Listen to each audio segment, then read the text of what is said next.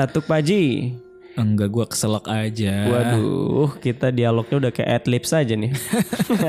Buat yang pengen ngisi konten kita iklan masih dipersilahkan. iya dong, siapa tahu obat-obat batuk gitu kan, atau madu madu sehat ya kan. Oh, Madu-madu Obat-obat alami herbal. alternatif-alternatif gitu Iya, kita sikat bener. semua lah. Bisa banget gas lah gini. Apalagi kan kalau lagi musim-musim kayak gini kan malam-malam dingin-dingin gitu kan. Iya. Horor-horor. Iya. Ya apa hubungannya? Tapi tetap kita masuk masukin aja biar iklan masuk juga ya. Ya udah selamat malam, selamat datang kembali di PNS Podcast Naik Scary. Masih barengan ada Iam Pandi di sini. Wes gila. Dan ada Sandi disokin. Yo, dan Yes. sekarang kita juga pengen kasih uh, cerita lagi, bukan kita sih yang ngasih, tapi PNS Geng yang sudah ikut berpartisipasi ya. Thank you banget buat kamu PNS Geng, udah DM Instagram kita, udah email kita juga ya. Yes. Antusiasnya lumayan sekali, alhamdulillah. Thank you banget pokoknya. Benar dan buat lo yang masih belum sempat kita hubungin ya kayak di telepon gitu udah ngasih nomor handphonenya atau juga udah ngirimin ceritanya di DM atau di email sabar ya kita satu-satu karena kita episodenya kan seminggu sekali ya Yo, Nah, kalau sekarang ini ada salah satu teman ya. PNS geng ya? Ya PNS geng juga. Karena ini gua waktu itu pernah ketemu dia di salah satu trip pendakian. Bedas. Dan dia ini emang udah pro banget sama gunung pendaki-pendaki gitu ya kan? Dan dia tuh sempat cerita sama gua ada beberapa pengalaman-pengalaman yang kayaknya ini asik diceritain. Kayaknya bisa untuk pelajaran lah untuk semua PNS geng yang denger ini ya langsung kita sapa aja ada Miko Mico, Mico, Mico apa Miko sih sebenarnya nama lu cuy? Nama gue Mico, bang, Mico, tapi oh. dipanggilnya Coco. Cucu. Oh, Wih gila kayak anaknya Choji ya bukan emang cucu anaknya Iya, Cucu. Bu- anaknya Choji Coco cuy Iya cucu ya? Iya, ah lu gimana Iya, sih katanya nonton Choji. Boruto. Tapi kan Cucu kan nggak jadi pemeran utama jadi gua nggak tahu. eh kabar cu, kabar cu, baik ya kabar cu. Kabar alhamdulillah baik. Oke. Kita kan eh, Ini ketemu abang-abang, di abang-abang gimana kabarnya nih? Oh iya kabar kita baik semua alhamdulillah cu. Iya, baik-baik cuy. Cuman kantong aja nih rada kurang nggak baik nih. Iya, lu katok kayak ngatok kita aja. Iya. Kita kan bikin podcast biar dapet duit. Hmm, siapa tahu kan lu bisa ini nih kasih tahu teman-teman lu nih ada kawan gua nih yang podcastan gitu kan. Iya. Eh, cu. Lu kan Oh iya bang. termasuk pendaki yang udah ba- lama banget cuy ya. Udah berapa lama lu cuy ngedaki gunung? Dari umur 9 tahun. Buset. Buset. Sampai badas, umur 30 ya badas, sekarang badas. cuy ya. Sekarang umur 25. Oh, kurang 5. Eh, ketuaan berarti gua Iya, ngomong. sekarang umur 25. Pasti kan banyak tuh ya cuy ya pengalaman-pengalaman lu naik gunung gitu kan. Ya ada lah, ada suka, ada duka, ada horor, macam-macam lah. Nah, gua mau denger nih. Coba dong ceritain kira-kira waktu itu lu lagi apa dan gimana pengalaman horor lu waktu naik gunung cuy. Oke, langsung cerita aja cuy. Ah, gue mau cerita nih tentang salah satu gunung di Lampung nih. Namanya Gunung Seminung. Oh, jadi waktu itu tahun 2019 akhir Desember, tepatnya sih pas malam satu hari sebelum tanggal 1 ya, jatuhnya kita mau tahun baruan di puncak Gunung Seminung. Kita ndaki tanggal 31-an. Pertama itu kita ndaki rombongannya ada sekitar 32 orang. Ada sekitar 32 orang. Cewek dalam rombongan kami itu ada ceweknya 8 orang dan selebihnya cowok semua tuh, Bang. Tanggal 31 kita mulai pendakian siang jam 1. Tapi ada dua rombongan cewek kita yang posisinya halangan tuh. Nah, sama juru kunci di, di Gunung Seminung itu belum boleh naik mereka karena mereka harus ada sedikit kayak macam ritual gitu deh. Mereka dikasih air minum yang udah dibacain doa gitu sama juru kuncinya kan. Baru mereka boleh naik. Jadi rombongan itu naik tanggal eh, naik jam satu siang dan yang dua orang itu baru bisa naik itu sekitar jam 5 sore. Nah, ke- kebetulan di situ itu yang baru yang udah pernah naik ke Gunung Seminung itu kan gua tuh jadi gua yang harus ngawal yang dua orang cewek itu jadilah yang lain nanjak jam satu siang sedangkan gua nunggu mereka selesai dibacain doa itu sekitar jam 5 sembari sebenarnya jam jam 3 itu udah selesai cuman karena hujan jadi kita baru bisa nanjak itu jam 5 sore. Nah jam 5 sore itu kita mulai nanjak awalnya biasa biasa aja sih nggak ada nggak ada yang ganjal. Cuman pas udah masuk pintu rimba itu udah masuk hutannya itu sekitar maghrib. Maghrib itu kita istirahat istirahat kan. Nah salah satu dari cewek itu sebut aja namanya bunga ya sebut aja namanya bunga. Nah si bunga ini bilang ke saya kan bang eh kak kak Coco ini minumnya boleh aku abis boleh aku habisin apa enggak ya? Terus aku kan aku mikirnya ini kan minum emang khusus untuk mereka berdua. Ya udah nggak apa-apa dihabisin. Kan untuk jaga-jaga mereka juga. Ya udah akhirnya sama si bunga itu minumnya dihabisin. Oh ya mereka itu dapat dua botol. Satu orang itu masing-masing satu botol.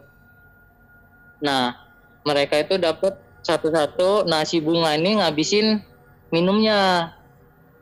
Setelah setelah minumnya dihabisin kami tuh ya udahlah udah selesai azan maghrib kan kami mulai nanjak mulai jalan lagi. Nah si bunga ngomong kak ada bacaan bacaan Quran nggak di HP ada. Kenapa dek? kataku gitu kan. Terus kata dia setel itu aja sih kak. Ya udahlah. Tak setel lah kan ayat-ayat Al-Quran itu. Nah di situ tuh suasana udah menurutku udah mulai beda. Karena posisi juga udah udah gelap kan awal na awal kita mulai jalan lagi dari pintu rimba itu ada sempat kecium jeruk kayak aroma jeruk buah kulit jeruk itulah cepet-cepet kecut gitu kan. Tapi aku ya coba positive thinking aja tuh coba positive thinking. Ya udah kami terus jalan sampai akhirnya udah selang 40 menit kami jalan sekitar jam 7 itu si bunga minta istirahat. Ya udah karena kebetulan itu udah mau azan isya istirahat lah di dia si bunga itu duduk di atas batang pohon tuh.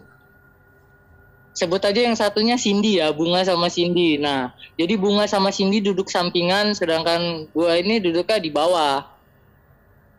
Terus nggak lama azan isya selesai azan isya si Cindy ngomong Kak Coco, Kak Coco, udah selesai nih azannya, kita jalan lagi yuk. Ya udah deh, ayo jalan lagi. Itu si bunga dibangunin, kan bung, si bunganya ini posisi sempet tertidur. Si bunga posisinya sempat tertidur. Terus cobalah dibangunin lah sama si Cindy. Terus si bunga ini nggak ada respon, dia diem aja, diem, diem. Terus pas tak goyangin badannya dia langsung kayak orang pingsan gitu. Blok aja badannya langsung roboh itu. Mau nggak mau itu kan posisi kami bertiga. Mau nggak mau ya udahlah kami bopong ke bawah kami gelarin matras aku coba positif thinking aja. Wah ini orang kayaknya kalau di dalam gunung itu ada yang namanya kelelahan terus lanjut ke hipotermia. Aku mikirnya ya dia beliau ini hipotermia kedinginan. Jadi tak coba untuk angetin tak masakin air panas tak masukin dia ke dalam sleeping bag habis itu taruh di matras. Tapi tiba-tiba pas aku lagi ngan apa lagi makain kaos kaki di kakinya kan posisiku di bawah posisi si Cindy itu di belakang si bunga kayak lagi mapah si bunga. Nah si bunga itu posisinya rebahan di Cindy.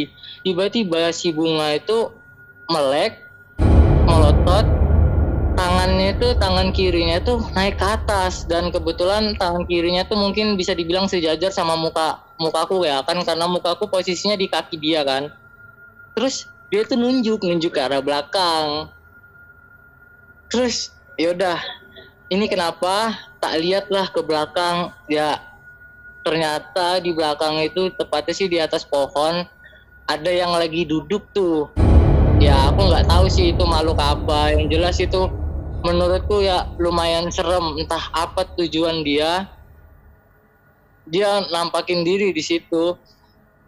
Terus tiba-tiba tangan dia jatuh tak lihat lagi ke si bunga itu ternyata si bunga udah tidur lagi. Terus si Cindy yang bingung dia si Cindy nanya kacau ada apa? Kok tiba-tiba kak bunga bangun oh nggak apa-apa deh nggak apa-apa. Karena kan kalau kita dicer kita ceritain langsung ke Cindy kan mungkin takut mental Cindy jatuh atau ada apa kan kita kita nggak mau ngambil resiko lah. Jadi aku ingat omongan juru kunci. Kalau semisal di Gunung Seminung ini sering ada kejadian kalau ada penunggunya yang kayak semisal apa ya penunggunya itu ibaratnya ucil atau apalah. Jadi kalau semisal ada yang kemasukan itu dia jangan apa ya jangan sampai ngelanggar aturan yang si penunggunya itu. Semisal nih si penunggu itu masukin si A.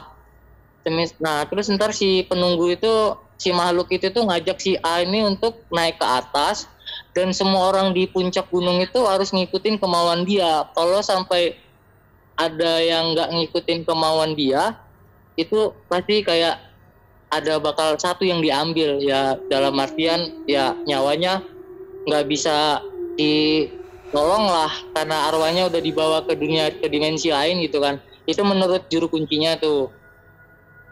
Terus di situ kan aku bingung tuh posisi cuma bertiga dan posisinya udah mulai jam 8 malam. Posisi makin malam kami ada di tengah hutan di punggungan Gunung Seminung cuma bertiga cewek dua sama gue sendiri kan cowok bang. Terus aduh gue gimana nih mikirnya kan anak-anak udah pada di atas. Ya udah gue ngambil ngambil kesimpulan aja gue langsung ngambil langkah. Gue harus naik ke atas manggil bantuan. Gue harus minta tolong kawan-kawan gue karena gue nggak mampu ini kalau udah urusan begini gue kayak pasrah aja sama Tuhan gue bingung harus gimana kan. Terus gue coba yakinin si Cindy dek kakak mau ke atas sebentar ya. Loh kak terus kita berdua gimana? Kakak ke atas bentar pokoknya kakak lari janji cuma lima menit. 10 menit kakak udah di bawah sini lagi udah di sini lagi sama kalian. Kakak mau ngambil peralatan sama minta bantuan mereka untuk bantu kita di sini. Kata si Cindy janji ya kak 10 menit Iya dek janji. Padahal dari posisi kami ke atas itu kalau untuk jalan kaki masih sekitar satu jam. Dan ya udahlah di situ udah larilah larilah ke atas. Baru udah jalan sekitar lima menit belum ada pandangan ada orang-orang dan di situ gue udah lari di gunung itu rasanya ngos-ngosan banget tuh bang. Udah mau putus asa nyerah gimana tapi gue mikir di bawah ada dua dua wanita yang gue tinggal di tengah hutan gitu kan. Gue bingung harus gimana. Ya udahlah gue lari lagi lari lagi sekitar 15 menit dan ketemu rombongan. Gue teriak lah bang bang tolong ada yang bawa kompor enggak sama logistik? Ini di bawah ada yang trouble. Terus ada sautan dari mereka dan ternyata itu rombongan rombongan kita orang yang berangkat jam satu siang. Di situ agak kecewa sih. Maksudnya kenapa mereka berangkat jam satu siang sekarang posisinya masih di trek kenapa belum diriin tenda gitu. Cuman nggak ada waktu untuk bahas itu yaudah gue pinta satu orang temenin gue ke bawah. Terus gue ngambil beberapa peralatan sama logistik terus gue sama salah satu kawan gue turun ke bawah. Dan di situ tuh kita itu ya entah kita capek entah apa di situ gue udah teriak-teriak nyampe suara gue habis manggilin mereka dua. Emang nggak ada tautan sama sekali. Dan yang gue pikir jaraknya udah sampai ini posisinya udah ini udah kejauhan gue jalan turun kok belum ketemu mereka? Di situ udah putus asa banget dan ya di situ gue udah udahlah gue pasrah sama Tuhan gue minta tolong banget tuh biar si mereka berdua nih bisa kita orang temuin kan. Terus gue coba jerit lagi ternyata ada sautan. Ya kak kita di bawah sini. Wah alhamdulillah kan. Terus gue bawa terus di situ gue melayangkan protes lah ke si Cindy. Dek kok dipanggilin dari tadi? Nggak ada sautan sih gitu kan. Jadi kakak panik kan. Terus kata si Cindy orang Kak Coco nggak ada nyaut-nyaut kok nggak ada manggil-manggil. Ini aja Cindy baru dengar suara Kak Coco terus ya udah langsung Cindy jawab. Oh gitu. Ya udah berarti emang kayak kalau dirasa-rasa mungkin ada gangguan lah. Ya udah yang penting udah terus kami kan bawa tenda dari atas kami dirin tenda darurat. Dan di situ ada sesuatu yang nggak masuk akal nggak masuk akal itu kan posisi gue udah berdua tuh bang. Gue berdua sama kawan gue yang dari atas laki. Jadi gue coba untuk mindahin si bunga itu ke dalam tenda. Jadi mau kita orang angkat lah. Dan di situ kami berdua bener-bener nggak bisa ngangkat ngangkat si bunga itu. Nggak tahu kenapa. Kayaknya sih ya entah ketindian kan. Ya namanya ketindian jadi berat nggak paham juga lah tapi posisinya itu berat banget. Jadi ya kurang manusiawi sih. Mau nggak mau kami geret. Jadi si bunga itu kami geret. Kami geret sampai masuk ke dalam tenda. Udah kami masuk dalam tenda tiba-tiba hujan deras. Dan itu posisi udah mau jam 10 malam. Dah jam 10 malam tanggal 31 kami coba hubungin pihak base camp itu pihak base camp yang di bawah susah banget sampai akhirnya jam 11 kami bisa bisa apa namanya itu ke kontak sama orang yang di bawah. Terus yang di bawah langsung jawab yaudah kita rombongan tiga orang bakal naik ke atas untuk ngejemput. Oke kita tunggu di situ. Di situ mereka naik bertiga berangkat jam sekitar jam 11 sampai ke posisi kami itu jam jam satu malam. Katanya mereka itu dari atas dari bawah lari ke posisi kami itu sekitar satu jam karena mereka nggak bawa nggak bawa peralatan kan karena mereka cuman karena mereka tim rescue jadi harus cepat kan. Nah jam satu itu mereka sampai itu posisinya kami udah berdebat, udah lewat telepon itu udah berdebat. Coba keluarin tangan, kasih center. Ternyata mereka itu udah tiga kali ngelewatin posisi tenda kami dan memang nggak ada tenda. Sampai akhirnya jam satu itu baru mereka nemu tenda kami setelah mereka naik turun tiga kali. Wah itu amazing banget sih. Jadi di situ dicoba untuk di ada yang bisa ngobrol apa ya bisa nanganin itu ternyata penunggunya itu si, si bunga nggak ada niatan jahat cuman karena si bunga posisinya lagi halangan dan si penunggu itu merasa terganggu. Terus si penunggu itu agak apa ya agak ngeyel juga nggak mau keluar dari tubuh si bunga kan sampai akhirnya itu jam 3 baru si bunga agak sadar dan kita putusin untuk turun.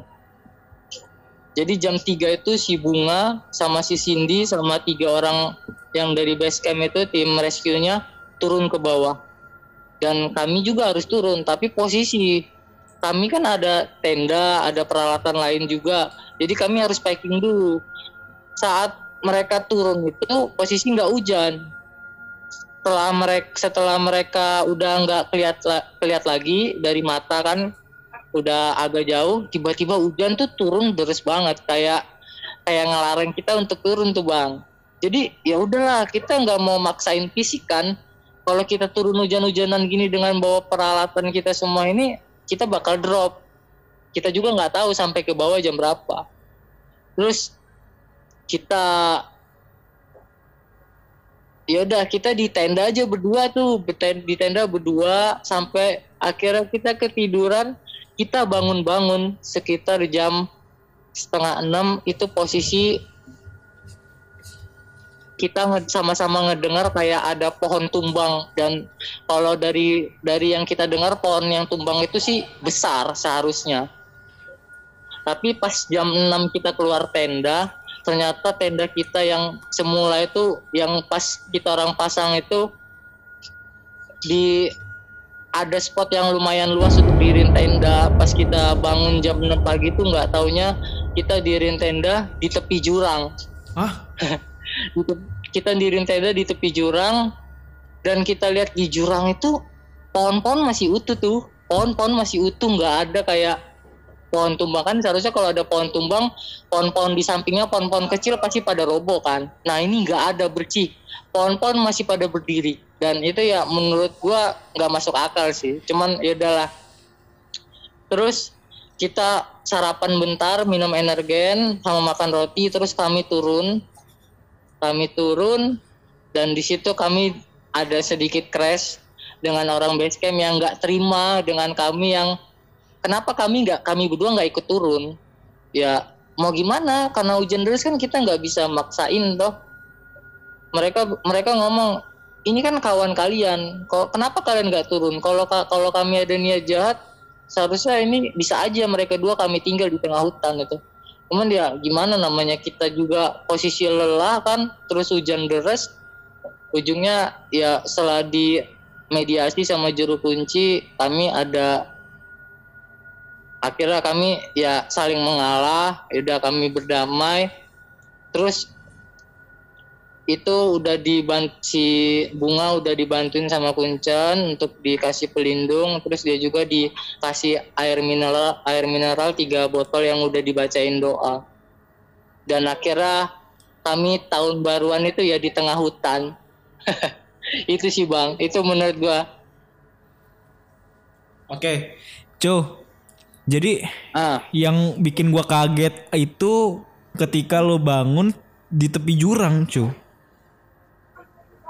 Iya di tepi jurang bang. Soalnya pas gua dirin tenda itu, gua ngelihatnya itu kayak tempatnya spot untuk dirin tenda agak luas, kayak dataran gitu kan. Eh, tapi ketika lo bangun lo di tepi jurang. Astaga. Nah iya itu, Itu gua kaget juga itu. Hmm. kenapa ya? Ilusi li. Ih, gua gak ngerti Nah, sih. Itu tahu, belum pernah entah- ngalamin itu entah soalnya. Kita, entah kita capek, entah apa. Yang jelas itu posisi di tepi jurang banget. Waduh. Itu yang sadar nggak nggak pada sadar itu rame-rame juga. Kami sih posisi kalau menurut gua ya, menurut gua waktu dirin tenda masih sadar bang. Hmm. menurut gua pribadi menurut gua pribadi sih sadar ya mereka juga udah ya udah kak kita di tenda di sini aja nih tempatnya datar Oke. gitu. Tapi kan awal sebelum kalian berangkat udah dimediasi kan sama kuncen ya waktu pas si bunga eh, kita tahu kalau bunga itu lagi halangan gitu. Jadi kan kalian emang ada Ya. ritualnya kan? kesalahannya ini satu si bunga ini dia nggak nggak pernah bilang kalau dia dulu pernah kesurupan jadi kalau namanya orang yang udah pernah kesurupan itu kan jadi kayak rentan tuh dia Hmm, kayak hmm, orang hmm, udah hmm. pernah kesurupan sekali mungkin besok besok bakal Ada- ada, iya. kejadian kayak gitu lagi tuh. Ada kemungkinan buat Nah, dia- kesurupan lagi ya. Iya. Oh. Nah dia tuh nggak bilang sama kita waktu di bawah sebelum berangkat itu. Dia cuman bilang nggak apa-apa kak, aku kuat kok, aku ini ya udah gitu. Terus apa sih bunganya ngalamin apa aja ketika dia cuma nggak sadar doang? Dia ya dia nggak sadar, dia dia malah nggak tahu, nggak tahu kejadian semalam tuh. Oh, Jangan-jangan dia kecapean tidur aja kali ya. tidur.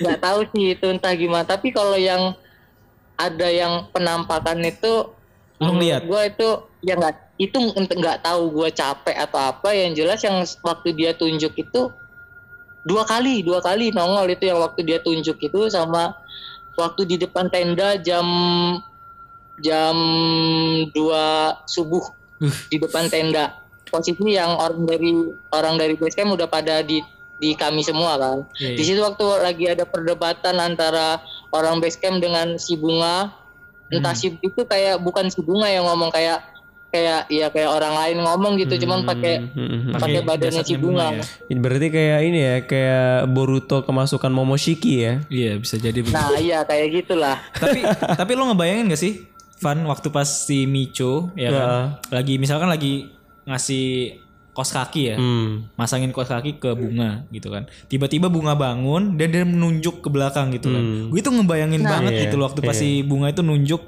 ke belakang dan lu akhirnya nengok ke belakang dan wow gitu kan.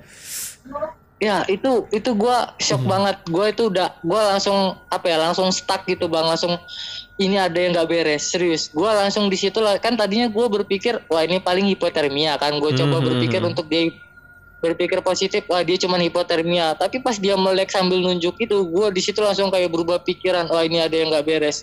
Seketika pas gua lihat itu ya gua gua walaupun gua laki gua lihat begituan kalau di kalau di kota gue masih bisa lari kan bang ya Ini di hutan ini ya. ini di hut- di hutan dan posisinya gue lagi kayak lagi ngasuh dua cewek dan dua cewek ini anak orang juga kan Iya benar. gue di situ jadi serba salah jadi gue takut iya serba salah iya kayak merasa kayak merasa orang yang lagi paling terkutuk di dunia iya gitu loh Ya jadi gua kayak ngerasa lu tuh lagi kayak di film Insidious gitu kan. Iya. Insidious itu kan dia emang kan keluar dari jasad kan hmm, arwahnya kan. Terus tiba-tiba datang terus nunjuk itu kayak aduh gua ngebayanginnya kayak huh, Ternyata real ya. iya ada juga gitu ya. Gila gila gila. gila. Aduh aduh aduh, tapi thank you banget kok udah cerita kok ya. Ah, ah, bang Kalau dari lu sendiri nih ada nggak sih kayak pesan yang pengen lu sampein gitu buat teman-teman yang mungkin hobi naik gunung juga kira-kira apa gitu kok? Ah, kalau untuk teman-teman terutama yang pemula ya. Pemula ya kalau semisal kita atau kalian nggak bisa melestarikan alam, setidaknya jangan merusak dan apa pun yang bakal kalian lakukan di alam, cobalah untuk terbuka dan jujur sama teman-teman kalian agar nggak akan ada kejadian-kejadian serupa lagi. Karena kalau untuk kemasukan-kemasukan kayak kasus si bunga ini memang sering terjadi sih di gunung-gunung terutama untuk yang paling sering kena itu kan wanita yang lagi halangan tuh. Makanya itu harus jujur sama teman-temannya kalau lagi halangan atau dia pernah kes- kemasukan sebelum-sebelumnya. Jadi kita juga ada antisipasinya karena kan kalau kayak gitu tuh kita telat ibaratnya kita telat satu detik nyawa kan bisa melayang toh Iya iya iya. iya. Oke, oke. Benar benar benar.